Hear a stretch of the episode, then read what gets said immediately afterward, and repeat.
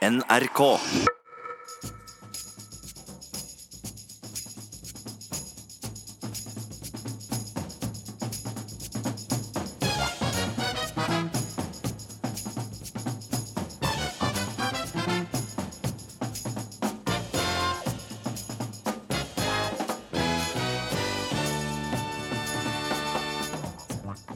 Aisha vil hjem til Norge etter å ha levd med og støtta IS i flere år. De som ikke vil Norge noe godt, får bare bli der de er, sier broren til to søstre som også er blitt en del av IS. Det er ikke, det er ikke et vanlig lite tenåringsvalg å ta å bli, med, å bli en del av IS. Vi ser på norske fremmedkrigere som en direkte trussel mot Norge, sier PST, og innrømmer at det ikke er mulig å ha full kontroll over alle som har reist ut. Og jeg kommer til å angre resten av livet på at jeg var med på Paradise Hotel, sier Neva, som mista kontakt med familien etter å ha deltatt i realityserien. Et minne for livet, sier hun som avslo 200 000 kroner fra faren for å ikke stille. Velkommen til ukeslutt. Jeg heter Sara Victoria Rygg. Og uansett om du nå prøver å holde varmen i Hammerfest med seks grader, eller om du steiker i sola på Hakkadal jernbanestasjon, der det er varmest i Norge i dag med 29 grader, så lover vi en variert og innholdsrik time her på P1 og P2. Og vi starter sendinga med en tur til Mexico for å sjekke inn på Paradise Hotel. Taktikken min for å komme lengst mulig, det er at jeg er meg selv 100 Hvem har det som trengs for å bli en legende? Det er ikke noen som jeg ikke klarer å få rundt lillefinger. De er legender, men nå er jeg her, og det er et nytt spill, så de kan back off.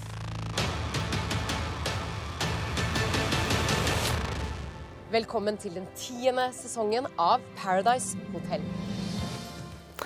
Denne veka var det finale i TV3 reality-programmet Paradise Hotel. Et program med unge mennesker som konkurrerer om å bli i et fabelaktig hus i Mexico lengst mulig, og ikke minst om en saftig pengepremie. Neva Reza, du deltok på Paradise Hotel i år, og du skriver i et debattinnlegg i VG denne veka at eh, du kommer til å angre resten av livet på at du deltok. Hvorfor det? Nei, altså, Jeg er veldig glad for det første for at jeg fikk skrevet denne artikkelen. For da fikk jeg endelig snakke ut til folk. Men uh, grunnen til det her, det er jo fordi at måten ting har blitt uh, vist på TV, da, det har jo ikke vært så veldig mye positive tilbakemeldinger. Uh, jeg visste jo ikke konsekvensene av det her, da. Og det gjør vondt, rett og slett. Det har vært veldig mye nedturer. Og en av de største også har jo vært akkurat det med å få hatmeldinger som har gjort at det er ikke så veldig enkelt å ja, bli vist på TV, da. Hadde du forventa at alle skulle være positive og rope hurra for deg på TV? Selvfølgelig visste jeg at det kom til å bli noen hatmeldinger. Det visste jeg, og det, det, er jo noe alle har blitt forberedt på. Men det eneste er at så store og drapstrusler og at det kom til å gå inn på meg, det visste jeg faktisk ikke, nei. Det, jeg trodde ikke de hadde noe å ta på meg, ikke sant. Du, du sier jo òg at du har mista kontakt med familie, venner. Hadde du, dersom du visste det du vet nå, hadde du meldt deg på eh, den gangen? Jeg visste jo at mine foreldre var negative til akkurat det å være med på Paradise Hotel. Det visste jeg. Men uh, jeg tenkte jo at de trengte bare tid. Så selvfølgelig, altså Familien, det Jeg tenkte jo at jeg kan jo fikse det uansett, ikke sant. Så det er kanskje ikke akkurat grunnen til at jeg angrer mest. Det er jo også fordi at det har liksom blitt veldig mye på én gang. ikke sant? Når du kommer hjem og bare alt kommer brått på jobben, familien, så hatkommentarer. altså det var bare så mye på en gang, og jeg var ikke forberedt på det i det hele tatt. Så hadde jeg visst det her da, så selvfølgelig så hadde jeg ikke meldt meg på, nei. Mm. Ann Marielle Lipinska, du blogger, og du har vært deltaker på Paradise Hotel to ganger, faktisk. Og du skriver i et innlegg i VG at eh, du ikke angrer et sekund. Eh, hvorfor har du opplevd dette her så positivt? Nei, altså, si det um det har jo på en måte vært eh, et eventyr både den første sesongen og den andre sesongen, og det er jo klart at eh, man må jo på en måte ta det gode med det onde. Altså selvfølgelig, Det er jo enkelte episoder og enkelte ting som er veldig tøft å se, men eh, som sagt, jeg har aldri angret et sekund, og jeg sitter liksom bare igjen med egentlig gode minner og gode opplevelser med ja, tanke på Paradise Hotel. Har du opplevd type sånn hat og familie som er negative? Ja, så selvfølgelig. Det er jo altså Det virker jo nesten som det er litt inn å hate på mennesker som på en måte tør å stille opp på sånne ting. Sånn at vi på en måte blir en sånn offentlig gapestokk som folk liksom bare sitter og venter på at vi skal si noe dumt, og sånn at de liksom kan bare hate på det. Og så har du liksom Jodel, og du har alle sosiale medier og sånne ting. Men alle eh, takler jo hate og liksom ja, det positive som kommer med det, er helt forskjellig. sant? Og det må man jo bare respektere. Og ja, det kan være tøft til tider. Selvfølgelig kan det det. Men pappaen din prøvde å stoppe deg? Ja, ja, han var super imot det første gangen jeg skulle være med. Andre gangen så var han kjempeglad og bare ja, ja, dette blir kjempegøy, og han gleder seg kjempemye, nesten mer enn meg, men Men han prøvde å bestikke deg første gangen for at du ikke skulle delta? Fortell ja, om det. Ja, han var kjempeimot det, og han prøvde å sette alle midler og hele familien opp mot meg og bare Nei, du kan ikke gjøre dette her, og du kommer til å ødelegge livet ditt, og de kommer bare til å skjenke deg, og de kommer bare til å gjøre alt for at du skal dumme deg ut. Og han var så imot det første prøvde, gangen. Prøvde å tilby deg 200 000 for å ikke delta. Ja, og det verste av alt var jo at når jeg faktisk dro ned der, og sånn, så prøvde han jo å dra ned der selv, for han ville bo på et hotell utenfor Paradise Hotel. Så far kunne jeg trengt, for å si det sånn. så. Men Eva, tenker du at, at uh, unge mennesker, som jo er i en fase i livet der de prøver å finne ut hvem de er, de um, prøver å um, se retninger videre i livet, er det klokt å la seg filme døgnet rundt mens en drikker og er lettkledd i bikini sammen med en gjeng? Er, er det klokt? Altså Opplevelsen i seg selv i Mexico, det var jo fantastisk. Det var jo, Jeg møtte jo blant annet Ann Mariell, som vi er her med nå. Men, uh, men, det som er greia, er jo at uh, mange unge tenker jo ikke over at det her er noe som kan påvirke dem senere. Det er jo noe foreldre vet. Men man vil jo ikke høre på foreldra sine, ikke sant? Men uh, det som er greia, er jo at hvordan skal man si det? Altså jeg visste ikke konsekvensene, da. Jeg er jo ganske ung, jeg òg. Men uh, samtidig så er det sånn hvis du virkelig er for det med rampelyset, starte en blogg, virkelig være, bli en kjendis, da, kjør på, gjør det. Hvis du takler hat og er en sånn person som takler ting, så kjør på. Men jeg var jo ikke helt i den retningen, ikke sant. Så for meg så var det ikke helt uh... For du frykter at uh, dette her kan få konsekvenser for deg framover? Arbeidsgivere, kjærester? Ja, jeg frykter virkelig det her. Måten jeg har oppført meg på, det, det, står jeg for, selvfølgelig. Men det er jo det jeg har sagt, at ting som jeg har gjort da, har jeg lagt ekstra stor fokus på de gangene jeg dummer meg ut. Og det er veldig menneskelig å dumme seg ut. Ingen er perfekte. Og da føler jeg at da har det blitt lagt ekstra stor fokus på akkurat de gangene. Som gjør da at folk virkelig har hata meg, og jeg føler ryktet mitt rett og slett er ødelagt. Og det er det jeg virkelig sliter med i dag. At jeg syns ikke det er gøy. Ikke når jeg skal søke jobb senere. Kanskje folk vil ikke samarbeide med meg. Hvis jeg møter en gutt som vet det her at jeg har vært med på Paradise, da tenker jeg nå herregud. Blant annet så har jeg fått høre jeg er psykopat, og da er det sånn Tenk om han tenker det om meg. Jeg kommer jo ikke til å komme langt i livet ved at ryktet mitt er ødelagt, ikke sant. Så for meg så er jo det her ikke Det er jo bare krise når jeg vil være et godt forbilde. Anne Marie, hva tenker du om uh, framtida? F.eks. en arbeidsgiver da, som googler deg og sier Hei sann, du har vært med på Paradise Hotel, og jeg ser deg relativt lettkledd på de her bildene her. Jeg tror vi tar den andre søkeren, jeg, som har litt sånn streit stil. Ja, altså det må jo de bare gjøre, for da vil jeg ikke jobbe der uansett.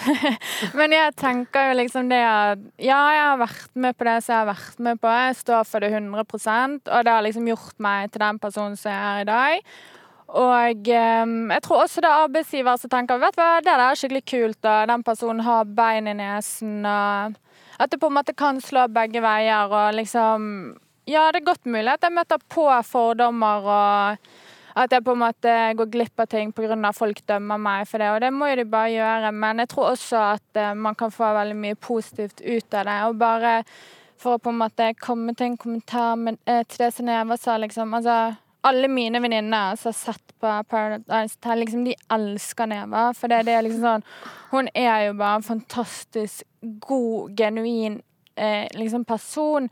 Og hun var jo ekstremt uheldig med enkelte ting som skjedde inne på hotellet. Og hun på en måte er jo en veldig følsom jente, akkurat som jeg jo er, som på en måte kan bli revet med in the heat of the moment. Så vi mm. har jo på en måte veldig det til felles. Og jeg håper at liksom, når ting har roet seg litt, og når på en måte det der hatet til de der tolvåringene forsvinner, så håper jeg virkelig at hun på en måte kan sitte igjen og tenke at det var, det var faktisk en fantastisk opplevelse. Og jeg kommer alltid til å liksom være dødsglad i Neva. Jeg er så glad for at jeg har møtt henne.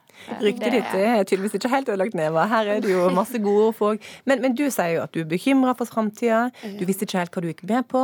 Du er ung og visste ikke konsekvensene. Men du er ikke et barn. Du, visste, du vet jo at reality Paradise Hotel eh, framstiller folk litt grann ja, altså for underholdninga sin skyld. Jeg vet jo at det finnes mange positive der ute. Altså det gjør jeg jo. Men du vet, som regel når man får masse hat, så fokuserer man på det mest negative. Man blir jo aldri fornøyd selv. Ja, jeg visste virkelig konsekvensene av det her, men det som er greit, jeg trodde ikke de hadde noen på meg. Ikke sant? Sånn som Anne Mariell sier, hun er bare veldig god og snill. Det setter jeg veldig stor pris på, takk.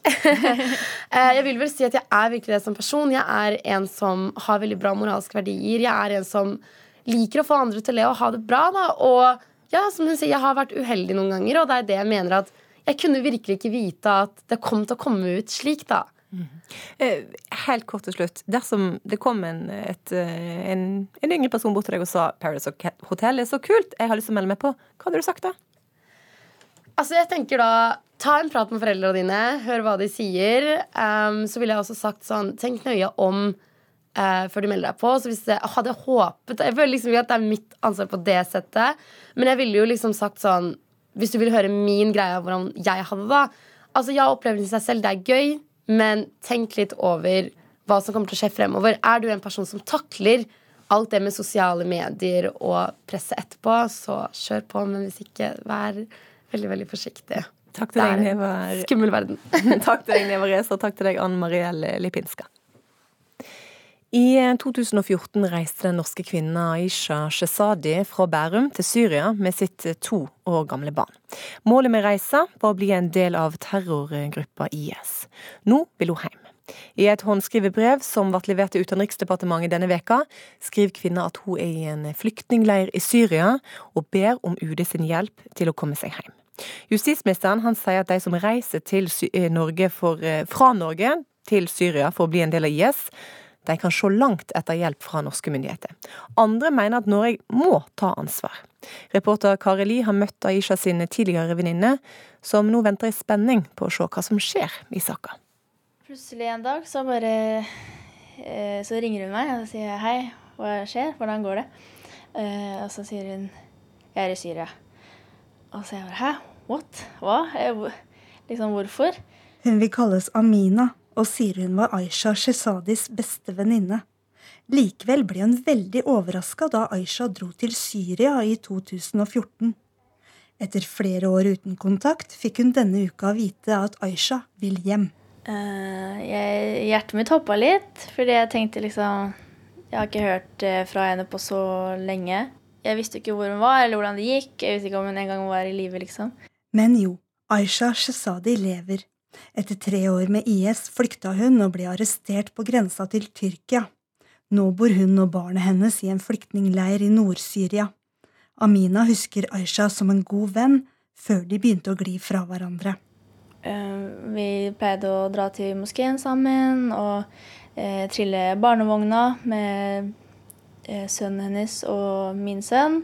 Og de lekte med hverandre i moskeen. og vi snakket mye på telefon, og vi bodde jo begge i Bærum og, eh, og sånn, så vi hadde liksom et eh, vennskap. Hva tenker du om at hun støtter IS, da? jeg tenker at det egentlig ikke er overraskende, fordi jeg føler at hun er en ganske sta person. det trenger ikke nødvendigvis å være akkurat det hun egentlig mener. Men jeg tror det er vanskelig for henne å innrømme at kanskje at hun har muligens tatt feil. Så hvis det er så mye snakk om likestilling, respekt og toleranse, og jeg øh, gjør mitt beste øh, med å måte, vise, altså, vise, at jeg har de egenskapene på plass Aisha Shesadi snakker i Dagsrevyen i 2011. Hun vil at folk i Norge skal godta at hun dekker til alt unntatt øynene. At folk i hvert fall i det minste viser at OK, jeg kan gjøre som jeg vil, selv om de ikke liker det. Heldekkende svart. Svart fra tåspissene til fingertuppene. Erling Folkvår sitter i singlet og shorts i en sommervarm leilighet i gamlebyen i Oslo og beskriver den tildekte kvinnen han møtte i en flyktningleir i Syria i mai. Aisha Shesadi viser fortsatt bare øynene. Iskald og kynisk. Hva får deg til å si det? Fordi at vi satt og snakka sammen i over en time. Den tidligere stortingspolitikeren for Rødt er nå aktiv i Solidaritet for Kurdistan. Han fikk beskjed fra de kurdiske myndighetene om at en norsk kvinne trengte hjelp. Mitt inntrykk er at hun virkelig beit i det sure eplet. Og det å be om hjelp fra vantro, det satt tydeligvis langt inne. NRK har ikke hatt mulighet til å intervjue eller konfrontere Aisha med Folkvårs påstander. Folkvår, som har møtt og hørt på henne, har følgende å si. Entusiastisk støtte til IS entusiastisk beskrivelse av hvordan hun bodde i det som jeg senere fikk vite var en liten norsk koloni i stjålne hus i den arabiske byen Shadadi. Eh, Avslappa latter om eh, IS-massakrene på jesidiene det året hun reiste nedover. Det var mer enn nok for meg. Du sier jo at hun bør få komme til Norge. For det første, de demokra den demokratiske føderasjonen Nord-Syria sliter med å ta vare på hundretalls IS-krigere som er nærmest eksportert fra Europa. Europa har plikt til å ta faenskapet tilbake. Kort og enkelt. Dessuten så har hun brytet norsk lov. Norske myndigheter har ansvar for at hun blir for norsk domstol og dømt hvis det er bevisgrunnlag for det. Nei, eh, jeg mener ikke at eh, Norge har noe ansvar for den eh, situasjonen hun har plassert seg sjøl i. Tidligere justisminister Per-Willy Amundsen fra Fremskrittspartiet deltok i debatten om Aisha i Dagsnytt 18 denne uka. Hun har gjort et valg. Hun står fremdeles for det valget, åpenbart. Og det har konsekvenser. Mennesker må ta ansvar for sine handlinger. Hvordan skal jeg klare å opprettholde min sterke kjærlighet for Norge når jeg ser at jeg og mine medsøstre blir behandlet så dårlig av våre egne landsmenn. Skuespiller Silje Storstein leser Aishas tekst om ansiktssløret nikab. Fortellingen kom i ei bok i 2011. Det er ikke forbudt for en kvinne med nikab å delta i samfunnet. Hvis man med delta i samfunnet mener å få seg jobb og bli yrkesaktiv. Det er ikke min feil at norske arbeidsgivere er så skeptiske. Det første jeg tenkte, var fuck hun, fordi hun var en av eh, de som påvirket søstrene mine til å dra ned til Syria. Og så tenkte jeg litt over at kanskje hun har endret uh, tenkemåten sin, og kanskje, kanskje, det er greit at hun kommer tilbake. da. Men det har hun heller ikke gjort, så da syns jeg ikke noe synd på, henne. Da kan hun være i flyktningsleir eller fengselsleir eller dø for min, for min skyld. Liksom. Hassan Yumas to søstre er også i IS. Ifølge Hassan dro søstrene hans til Aisha angivelig for å vaske klær. De kom aldri tilbake. Jeg vil at de skal hjem, og jeg håper de ønsker det samme. og Jeg håper de bare ser at de fucka opp, og at de ikke tenker sånn OK, nå har vi gått nå har vi fucka opp for hardt, så vi kan ikke komme tilbake, for da virker vi svake. Men jeg håper de bare aksepterer at de tok en stor feil i livet, og at de er liksom eh, velkomne tilbake hvis de kommer tilbake. da. Det, for jeg har ikke noe mot at de er i fengsel i Norge. Heller det enn at de er i Syria et tilfeldig sted i Syria og ikke har det bra. For du regner med at de blir fengsla? Mm, jeg, jeg, mener at de fortjener det. Enten det eller en eller annen form for behandling. For det der det er, det er, ikke, det er ikke, et vanlig lite tenåringsvalg å ta og bli, med, og bli en del av IS. Det er ikke liksom sånn der Det er ikke en fase. Det er ikke en fase. Det er, det er et stort valg man tar. Sånn jeg har forstått det, så støtter fortsatt Aisha IS, og mener at det IS har gjort og gjør er riktig. Likevel så vil hun til Norge. Da foreslår jeg at hun støtter dem der nede og bare holder seg eh, med sin IS-bekjentskap. Ja, men hva med søstrene dine, hvis de også støtter IS fortsatt? Da mener jeg at de også fortjener samme, samme straff. De, da fortjener de bare et blindt øye. De vil jo tar med seg verdier som ikke hører eh, til i Norge. De tar igjen folk som faktisk ikke vil folk i Norge godt. Det er ikke en del av deres uh, ideologi ha, at ikke-troende skal ha det bra, liksom. Eh, la oss si Hvis en eh, syrisk person hadde kommet hit og gjort noe, så ville ikke vi beholdt han her. Vi ville sendt han hjem igjen. Samme som de gjerne vil sende henne sikkert og andre hjem igjen. De kan jo ikke liksom samle alle der bare fordi det var der de begikk handlingen, eller ja. Amina pleide å gå med slør foran ansiktet, akkurat som Aisha, men har slutta med nikab. Nå bruker hun vanlig hodesjal eller hijab. Tenker du å gjenoppta kontakten med henne hvis hun kommer hjem? Nei, det tenker jeg egentlig ikke å gjøre. Jeg har ikke noe interesse av det, fordi eh, jeg er veldig sterkt imot eh, Daesh. Jeg vil ikke kalle de IS eller islamske staten, for det, det er de ikke. Jeg har ikke noe interesse av å være venn eller ha noe kontakt med noen som støtter, eh, støtter de, eller den slags ting. Er du redd for henne på noe vis? Nei, det er jeg ikke.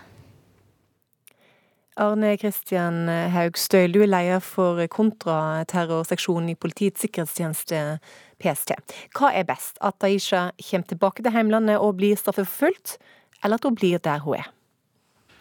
Jeg har dessverre ingen mulighet til å kommentere på den eh, konkrete saken. Det som er PST sitt fokus når det gjelder alle fremmedkrigere, Eh, det å ha en oversikt eh, over de som har en norsk tilknytning, det har vi en forpliktelse til. Eh, å forhindre at de utgjør en trussel for våre allierte eller for Norge. Jeg ønsker egentlig ikke å gå inn på hvorvidt vi ønsker at de skal forbli der nede, eller om de skal tas hjem. Ifølge PST sin trusselvurdering for 2018 så er de ekstreme islamistiske miljøene svekka. Eh, og tallet på islamister som vil reise til Syria eh, har, eller Irak har gått ned. Eh, hvor mange nordmenn vet dere om som har reist til utlandet for å krige med IS, f.eks.? Ja, de, Vi sier at ca. 100 personer har reist. Av de så har ca. 40 kommet tilbake. Ca. 30 er drept, eh, og ca. 30 er eh, igjen i konfliktområdet. Du snakker om eh, barn som er født av nordmenn som har reist til, til f.eks. Syria. Hva skjer med de barna? Der er jo ca. et tjuetalls barn eh, som er født eh, i, konfliktområdet, i kalifatet, i sin tid. Eh, det er jo ikke PST sitt uh, mandat å følge med uh, på disse barna. Vi er kjent med at ca. et eh, tjuetalls er født. de kan jo ikke lastes for foreldrenes handlinger. Vi har jo ikke noe fokus akkurat på det. Det ligger ikke heller til vårt mandat å, å følge med på. Kan de her barna, selv om de er uskyldig født inn i dette her, eh, kan de utgjøre en større trussel for Norge i framtida, tenker du? Ja, Man kan jo ikke utelukke det. Det er klart at dette med radikalisering da, eh, hos, fra nære relasjoner og sånn kan være eh, en utfordring, og som vi også ser hos de som lever i, i Norge, at man blir radikalisert eh, av nærmeste familie. Eh, samtidig så er det veldig vanskelig for min del å uttale meg om i hvilken grad det vil bli være verre for de som eh, eh, befinner seg der nede nå, om de vil føle da hatet til Norge som noe større eh, enn det òg foreldrene for så vidt da føler til Vesten generelt. Vanskelig for min del å spekulere i. Mm. Det er jo flere nordmenn som er kommet tilbake fra f.eks. Syria, som er blitt dømt i norske retts Eh, rettssaler, og som har eh, fått dommer, og som soner dem. Ja. Eh, nå er det flere som nesten har sona dommene sine ferdig. Hva skjer når de kommer ut igjen i, i det norske samfunn? Mm. Ja, enkelte av de med de korteste straffene er jo øh, løslatt. Uh, og dette er jo individuelt, og igjen kan jeg ikke gå inn på. Uh, der er jo ulike uh, varianter der òg. der enkelte vil ta noe mer avstand, mens enkelte Eh, vil fortsette i eh, samme spor. Hvor stor fare utgjør de her som er fremdeles der ute, for oss her i Norge? Vi ser jo eh, på de fremmedkrigerne som er der ute som en direkte, kan være en direkte trussel selv ved at de tar seg tilbake. Vi ser jo også på de som en trussel knytta til fasilitering for andre, og som inspirasjon, motivatorer for andre her hjemme for å begå terror. Men har dere oversikt over alle og på en måte kontroll på det? Jeg tror jeg skal være forsiktig med å si at vi har eh, oversikt eh, over alle og, og full kontroll. Eh, det vil ikke være mulig å ha. vi vil jo Vi tror jo at det er mørketall her. Av de 30 så er det nok sikkert mennesker som er drept, og som vil komme på den listen etter hvert. Eh, men der vi ikke har sikre opplysninger om eh, det. Noen kan nå være tatt til fange, eh, uten at vi heller der har nødvendigvis full oversikt, for det er mange aktører som kan ta fanger der nede. Men vi følger med og har, mener vi, en god oversikt. og gjør så godt vi kan for å fange opp den trusselen de måtte utgjøre mot Norge eller Europa. Takk til deg, Arne Kristian Haugstøl fra PST. Du hører på NRK Ukeslutt her i P1 og P2, og det gjør du rett i. For om litt tar vi opp spørsmålet er det voldtekt om personen du har sex med ikke sier ja først. Absolutt, mener Sverige som nå innfører samtykkelov. Helt ubegripelig at vi ikke gjør det samme i Norge, sier advokat. Og en gigantisk rød nisse med en analplugg i handa har skapt debatt denne veka. Plattformsvak og et bunnpunkt, mener kunstkritiker. Gøyal, konkluderer sexleketøyselger. I eh, Sverige blir det nå forbudt å ha sex med en person uten et ja. Den eh, svenske riksdagen innførte lova som forbyr seksuell omgang med en person som ikke har gitt sitt samtykke eller på annet vis aktivt uttrykker at de ønsker å delta. Sex skal være frivillig. Er det ikke frivillig, så er det voldtekt og ulovlig, sa statsminister Stefan Löfven. Silje Kristine Hellesen, du er forsvarer og tidligere leder av Advokatforeningen Haugesund krets. Du mener denne samtykkelova må innføres i Norge også. Hvorfor det? Jeg mener dagens voldtektsbestemmelse ikke er fullstendig, og at den ikke evner å omfatte alle tilfeller av voldtekt. Et interessant eh, paradoks i norsk strafferett det er at et mindre alvorlig seksuelt overgrep, som beføling av et bryst, f.eks., det som omtales som en seksuell handling, uten samtykke, det er straffbart. Men et alvorligere seksuelt overgrep som en voldtekt, altså det som vi kaller for seksuell omgang, det er derimot først straffbart når det kan bevises at den seksuelle omgangen er oppnådd gjennom bruk av vold, truende atferd, eller når fornærma var bevisstløs eller ute av stand til å motsette seg. Og Hvis jeg bare kan få nevne et kort eksempel, så betyr det i praksis at ei jente, for det er oftest jenter, som klart og tydelig sier nei til en gutt, og hvor gutten likevel tar seg til rette men hvor det ikke brukes vold eller trusler, så vil dette ikke bli rammet av voldtektsbestemmelsen i et tilfelle hvor jenta har frøst til eller blitt handlingslamma. Når vi samtidig vet hvor mange som nettopp reagerer med å fryse til i pressa og traumatiske situasjoner, så er dette bare ett av mange eksempler på hvor heldig det slår ut at vi ikke har en samtykkebasert voldtektsbestemmelse òg her i landet. For da hadde gutten blitt dømt for voldtekt fordi hun hadde sagt nei? I Sverige mm. Eh, hadde det det etter den er blitt innført, ikke i Norge. Mm. Hege Salomon, du er bistandsadvokat. Du mener at en samtykkelov vil bli vanskelig å håndheve. Eh, hvorfor det? Ja, altså jeg tenker at det er viktig at lovgivningen er presis og forutsigbar. Og jeg er helt enig med min kollega eh, at det er et hull i lovgivningen, og at det også er et paradoks at seksuell handling er straffbart, eh, men ikke seksuell omgang uten samtykke. Eh, det eksempelet som det ble vist til, kan i noen tilfeller eh, føre til at det ikke er å anse som voldtekt, men i andre tilfeller så vil det være en voldtekt. Det kommer jo an på omstendighetene rundt. Eh, og vi har jo også i dag en regel om grov uaktsom voldtekt. Da er det ikke nødvendig å påvise eh, forsett eller skyld eh, hos eh, eh, hos den som utfører handlingen, men at han burde ha skjønt at hun ikke ville. Og det kunne jo være tilfellet for det eksempelet som ble gitt her. Men det er litt sånn forvirrende for meg å skjønne dette her. Fordi at En skulle jo tro at eh, når du har fått et nei, da er det nei, og da er det en voldtekt dersom eh, samleie gjennomføres. Hvorfor, hvorfor er ikke det sånn i Norge? Eh, I Norge er det jo slik at man i utgangspunktet så kreves det jo subjektiv skyld eh, hos den som er overgriper. Det vil si at man går på en måte inn i hans hode og eh, ser om han visste at han brukte f.eks. makt for å oppnå eh, den seksuelle omgangen. Eh, og det er jo det sentrale. Hvis noen blir dømt til fire års fengsel, eh, så må man være sikker på at det var en, eh, at det var en maktutøvelse. Og det er det jeg mener er sentralt. Det er at man utnytter en maktsituasjon, og at man ikke At det er noe mer enn å ha seksuell omgang uten samtykke. Så da er ikke det nok å bare si nei? Altså Det jeg er tilhenger av, da, det er at man kan lovregulere en del tilfeller eh, som, er, eh, som, ikke er regulert i dag. Eh, er, jeg mener at det er et hull i lovgivningen. Ikke et veldig stort hull, men det er et hull. Og Det kan f.eks. være tilfeller hvor det er en forutsetning at det skal brukes kondom ved samleie. Eh, og så blir det gjennomført, så blir man lurt, og så blir det gjennomført uten kondom. Eh, etter dagens lovgivning så fanges ikke det opp av straffeloven. Eh, I hvert fall ikke av voldtektsbestemmelsen. Det mener jeg bør være straffbart, men jeg mener at det er ikke voldtekt. Så jeg er litt skeptisk til å utvanne voldtektsbegrepet, men jeg mener at man kan fange opp eh, en del tilfeller som faller utenfor voldtektsbegrepet, men at det da må være veldig forutsigbart hvilke tilfeller det er. Silje Kristine Hellesen, det er jo mange som tenker da sånn, Hvordan skal dette her samtykkes i? Skal det være en slags kontrakt før en hopper til køys? Hvordan, hvordan blir dette her?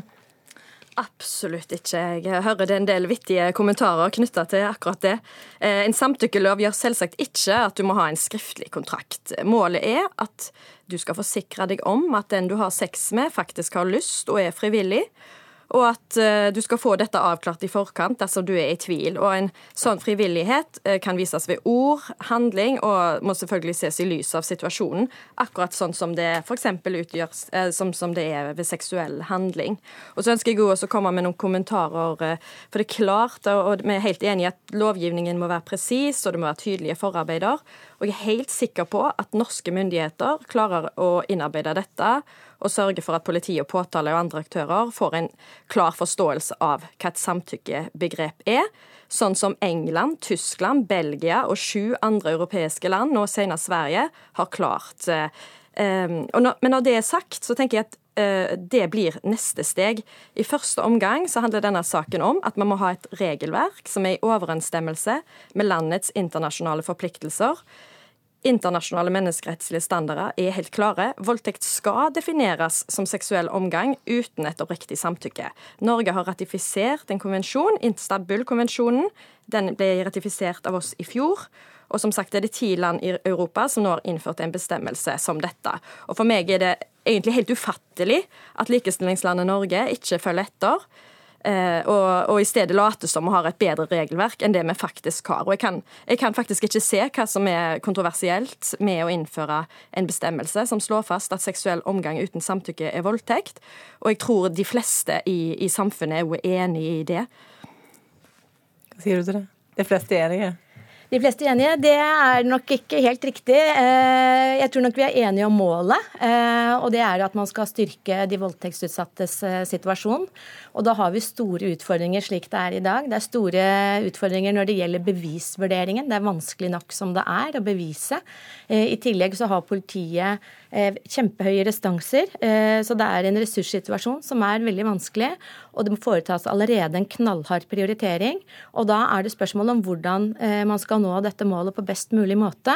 Eh, og det er kjempefint med en symbolbestemmelse, eh, men jeg tenker at det må også være gjennomtenkt hvordan dette skal gjøres i praksis. Og da utfordrer jeg min kollega til å da komme med konkret hvordan man ser for seg at denne lovteksten skal lyde. Hvordan skal en da kunne si at ja, jeg sa nei? Hvordan skal jeg bevise det?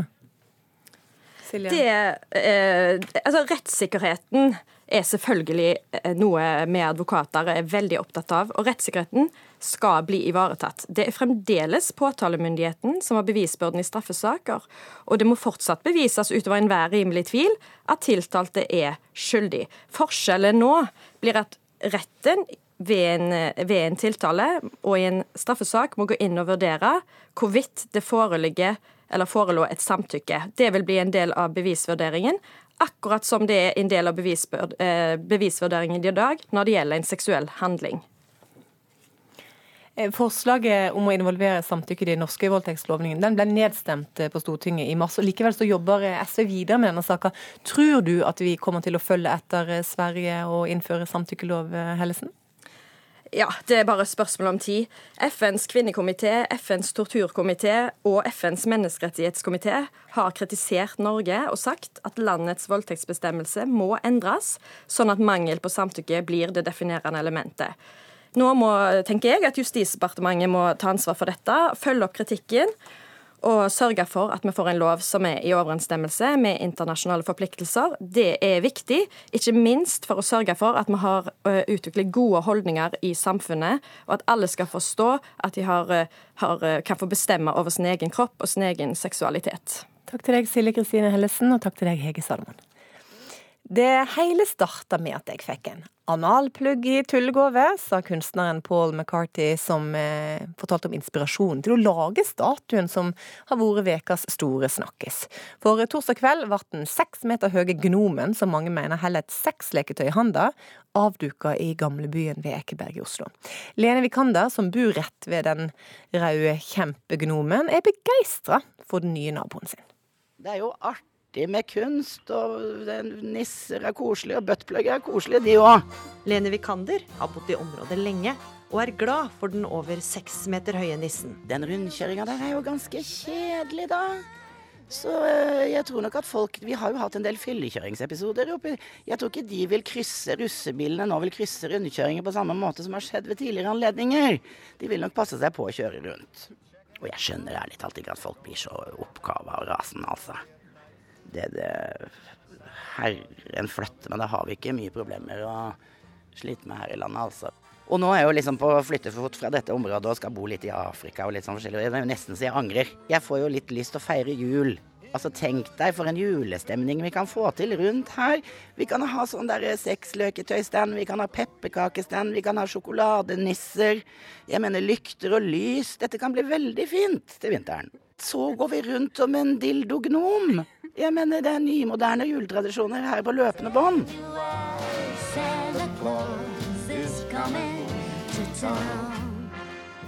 Reporter var Gry Veiby. Mona Palle Bjerke, du er kunstkritiker her i NRK. Du kaller denne gnomen en formsvak og platt trafikal forstyrrelse. Med andre ord så er ikke du like begeistra som Lene Vikander her, som vi hørte. Hva er gale med denne nissen? Altså Først og fremst vil jeg understreke at jeg har veldig stor sans for veldig mye av det eh, McCarthy har skapt. Det er en veldig viktig eh, kunstner på verdensscenen. Men jeg har aldri egentlig fått helt fot med skulpturene hans. Jeg opplever egentlig skulpturene hans som en litt sånn kommersialisering og forflatning av det mye mer dobbeltbundne og interessante eh, kroppsaksjonene hans og film, performative filmprosjektene. Og jeg syns jo dette, denne skulpturen her er et slags eh, på en måte bunnpunkt. Eh, det må jeg virkelig si. Jeg syns den er rett og slett formmessig si, veldig uinteressant, ut, uttrykkssvak, rett og slett. Og jeg syns også den konseptuelt er uh, veldig svak. Et kunstverk må jo ha noe å si oss, det må jo bevege på noe, det må jo utfordre oss litt. Grann. Det kan jo ikke bare stå som en sånn stor, uh, platt koloss. Den gir deg ingenting. Den må forsvare eh, at den opptar så stor eh, plass i vår visuelt overstimulerte virkelighet. Kristian Ringnes, du har etablert stiftelsen som driver Ekeberg skulpturpark. Det er der nissestatuen nå står. Hva gir denne gnomen deg? Ja, Først og fremst så gir den meg jo masse refleksjon og ettertanke, og det er jeg åpenbart ikke alene om. Hvis du går inn i kommentarfeltene på enten Dagbladet eller NRK eller TV 2, så vil du se at det er tusener av mennesker eh, som i hovedsak er opprørte. Eh, og som da det gjelder eh, ikke synet på at det er en dårlig og flat skulptur, men de syns den er stygg, og at den henviser på ja, kanskje deler av livet som skal være mer privat. Så jeg vil jo absolutt si at skulpturen setter i gang følelser hos folk. Eh, enten eh, glade og lystige og humoristiske følelser, eller da eh, det stikk motsatte. Og Det er vel det god kunst skal gjøre. Og Så kan man jo alltid diskutere om den har enkle, doble eller triple budskap. Det er ikke noe tvil om at en julenisse representerer jo egentlig noe som er trygt og godt. Så kan man jo si at julenissen etter hvert er blitt knyttet veldig til kommersialiseringen av julen. Det i seg selv er en slags replikk. Og så har man jo da dette med når gavene til julenissen blir av en helt annen type enn det man kanskje forbinder med julen og julenissen, så blir det jo enda en, en tredje dimensjon på det. Så jeg syns jo um, at uh, den forteller en interessant historie. Um, og personlig så Eh, det tok lang tid før jeg så noe annet enn en nisse med et juletre, og tenkte at du verden, dette var da en flott og lystig nisse. Eh, så fint å få den i, i parken. Mm. Eh, Mona Balle Bjerk, det er jo rett og slett masse engasjement rundt denne her. Vi sitter jo til og med her og diskuterer det i ukeslutt. Ja, vi har diskutert det kjempelenge og kjempe, i mange flater nå. Og det er jo alltid så interessant at det alltid er disse type kunstverk vi ender med å diskutere så veldig mye. Jeg skulle ønske meg et lignende engasjement fra NRK på andre kunstverk. Men det er klart at denne har selvfølgelig et innhold. Den har et budskap. Jeg regner med at det han her prøver å tematisere, er at det er jo den pornoinfiserte konsumkulturen. Eh, men jeg bare syns ikke det er en interessant kommentar. Jeg syns det er så passé, det der å liksom ta frem litt sånn sexleketøy, ha noen litt sånn heftige referanser til eh, sex. Det var sånn veldig 1990-tall, så da hadde det en misjon. Da var det et fruktbart opprør, noe vi kanskje trengte for å løse opp i kanskje litt mer i noen tabuer. Og de tabuene er fullstendig forsvunnet. Vi lever i en virkelighet som er så gjennomsyret av pornografi. Alle de seksuelle eksessene er rundt oss overalt. Og jeg tenker at i et, eh, i et kunstverk, og ikke minst i et kunstverk i det offentlige rom, så er liksom Dette blir på en måte bare en egentlig veldig veldig kjedelig. Veldig lite sjokkerende. Jeg tror ingen egentlig blir så veldig rystet av det, og jeg tror ingen blir noe godt av det.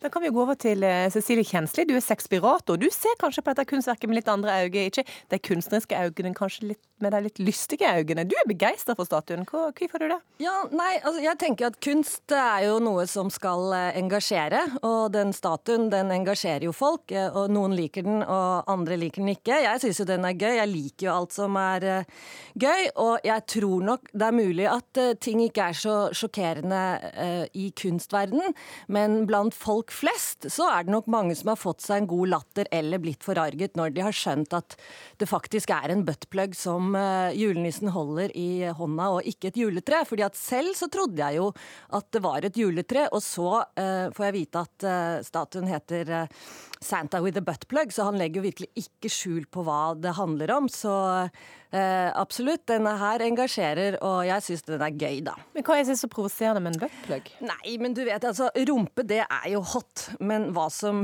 skjuler seg mellom skinkene, det er jo fortsatt ganske tabubelagt. Eh, og når det gjelder sexleketøy, så har man jo tenkt liksom buttplug, uhu. Det er ingen som sitter og snakker rundt lunsjbordet med kollegaer om at de har det f.eks. Eh, i skuffen sin. Eh, men det er ikke noe tvil om at veldig mange har det, fordi det har jo blitt mer og mer populært med årene. Og også pga. filmer som Fifty Shade of Grey. Det kan man ikke stikke under en stol, for det er jo tilfellet, da. Kristian Ringnes, du ble litt overraska når du skjønte at dette her ikke var et juletre, som du sa. Blir du provosert over det, det, den betydningen han prøver å gi oss her, kunstneren? Nei, jeg syns jo ikke han prøver, som det ble sagt. Altså, det er ikke noe tvil om at dette er, den er jo døpt Santa with a butt plug. Så selv om den har dobbelthet, eh, så er det ikke noe tvil om hva kunstneren ville. Og jeg eh, klarte ikke å hisse meg opp. Tvert imot. Jeg syns jo det ble en veldig morsom eh, dobbeltbetydning. Eh, og jeg tenker eh, litt som Mona her, at kommentaren er jo egentlig en kommentar til hvor overfiksert samfunnet er på alt som har med sex og kan du si, seksuell glossifisering å gjøre. Og jeg syns det har skjedd noe nytt som gjør at denne har en, en betydelig betydning i dag, nemlig i det at vi på internett fra vi er tre år gamle, kan finne absolutt alt, eh, som jo er mye mer provoserende enn nissen. Og jeg syns jo at det er litt problematisk, så jeg syns den faktisk er en, en viktig replikk i så måte.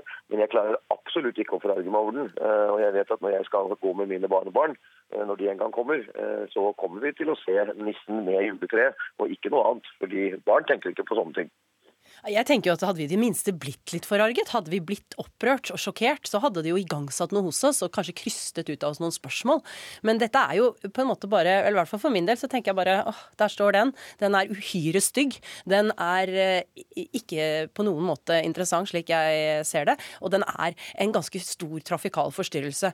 Jeg tenker det at eh, i kunst i det offentlige rom så må man faktisk ha litt sensitivitet i forhold til sted. Og dette er midt i en rundkjøring. Det er en utrolig trafikkert rundkjøring. Jeg sykler der hver dag. og her er det bikkjeslagsmål mellom eh, pene damer på elsykkel og disse helt ihuga karene i kondomdress, og de store suvene fra Nordstrandsfiffen. Og her trenger vi rett og slett ikke en sånn kjempe kjempedistraksjon, eh, tenker jeg. I tillegg så er det jo sånn at dette er jo eh, altså den seksuelt eh, provoserende kunsten, da, hvis noen oppfatter det som provoserende. Det er jo også litt sånn at man, det kan man kanskje Trenger ikke å ta det midt i, i, en rundkjøring. Man kan jo også tenke at da kan folk gå og oppsøke det. F.eks. inne i parken ville vært et mye, mye bedre sted. Og jeg syns jo det er litt interessant og paradoksalt da, at denne parken som feirer kvinnen som blikkfang og objekt, og som vi fremdeles selvfølgelig ikke har Selv om vi liker stedet og takker Ringnes for at han har ryddet opp der og sånn, så vi fremdeles ikke liker konseptet, så er jo litt sånn interessant at vi får en sånn veldig fallisk skulptur som et sånt supplement,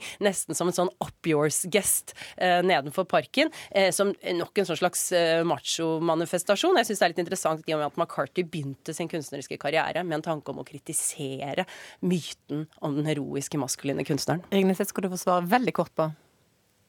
Ja, nei, altså for å si det sånn, her kan, her kan man jo si og tolke hva man vil. Eh, jeg eh, mener jo at parken er feminint eh, inspirert, og at den ikke glansbildelager kvinnene. At vi alle, både menn og kvinner, har maskuline og feminine sider. Og jeg vil absolutt ikke se på nissen som formmessig stygg. Jeg syns den er riktig vakker. Så det er nok det man ser i den, og spesielt av denne tilknytningen til dødsklubben, som gjør at folk syns den er stygg. Jeg tror ikke det er formen i seg selv. Det er jo faktisk en ganske flott nisse. Og helt rød er den også. Takk til deg, Kristin Ringnes. Takk til deg, Mona Palle Bjerke. Og til deg, Cecilie Kjensli. Det er glovarmt mange plasser i Norge, småkaldt andre. Statsmeteorolog Bente Wahl tidligere i sendinga så sa jeg at jernbanestasjonen i Hakkadal hadde det varmest med 29 grader. Nå er det forbigått. Hvor Ja, Mm. er det varmest nå? Ja, nå er det Askim i Østfold som har 29,9, og det kommer til å bli varmere. Noen kommer til å passere 30-tallet, mens det da ligger på 7 grader i Tromsø. Vi tar varsel, og vi kan starte i Sør-Norge, der det er finest og varmest. I Sør-Norge er det jo da stort sett bare pent vær, men vi kan få noen ettermiddagsbyger i dag. Og i morgen så øker det litt på med nord- og nordvestvind. Det blir liten kuling på kysten sør for Stad. Og etter hvert så kommer det inn noe mer skyer, og det blir kjøligere i Møre og Romsdal og Trøndelag, med enkelte regnbyger utover ettermiddagen i Trøndelag. Om kvelden så kan disse også dra seg nord til Møre og Romsdal. Mens resten av Sør-Norge de får fortsatt pent og varmt vær i morgen, og kanskje får vi også årets varmeste dag i morgen. Da må vi slå Etne med 32,7 grader, og det er mulig kanskje i Telemark eller Buskerud. Nord-Norge har nå vest og sørvest liten kuling, for det meste skyet, og det vil nok være noen byger utover ettermiddagen og kvelden. Lite eller ingen nedbør sør for Bodø, og så minker vinden litt i kveld, men så øker den på igjen i morgen tidlig til sørvest stiv kuling i Nordland. Det blir liten kuling i Troms, og etter hvert så blir det regn. Og det blir lokalt mye nedbør nord i Nordland og sør i Troms. Mot kvelden dreier vinden her på vest og nordvest, og da går det over til byger, og da får vi snøbyger over 600-700 meter. Finnmark blir det litt mindre vind i morgen. Sørvest frisk bris og senere skiftende bris. Spredte regnbyger, men utpå dagen så kommer det inn regn i vest som brer seg østover. Og på Spitsbergen skiftende bris. Det er enkelte sludd- og snøbyger, men i morgen så venter vi ganske mye oppholdsvær, i hvert fall i Longyearbyen. Ukeslutt er over for i dag. Ansvarlig for sendinga var Magnus Bratten og Gry Veiby. Erik Sandbråten styrte teknikken, og jeg heter Sara Victoria Rygg. God helg!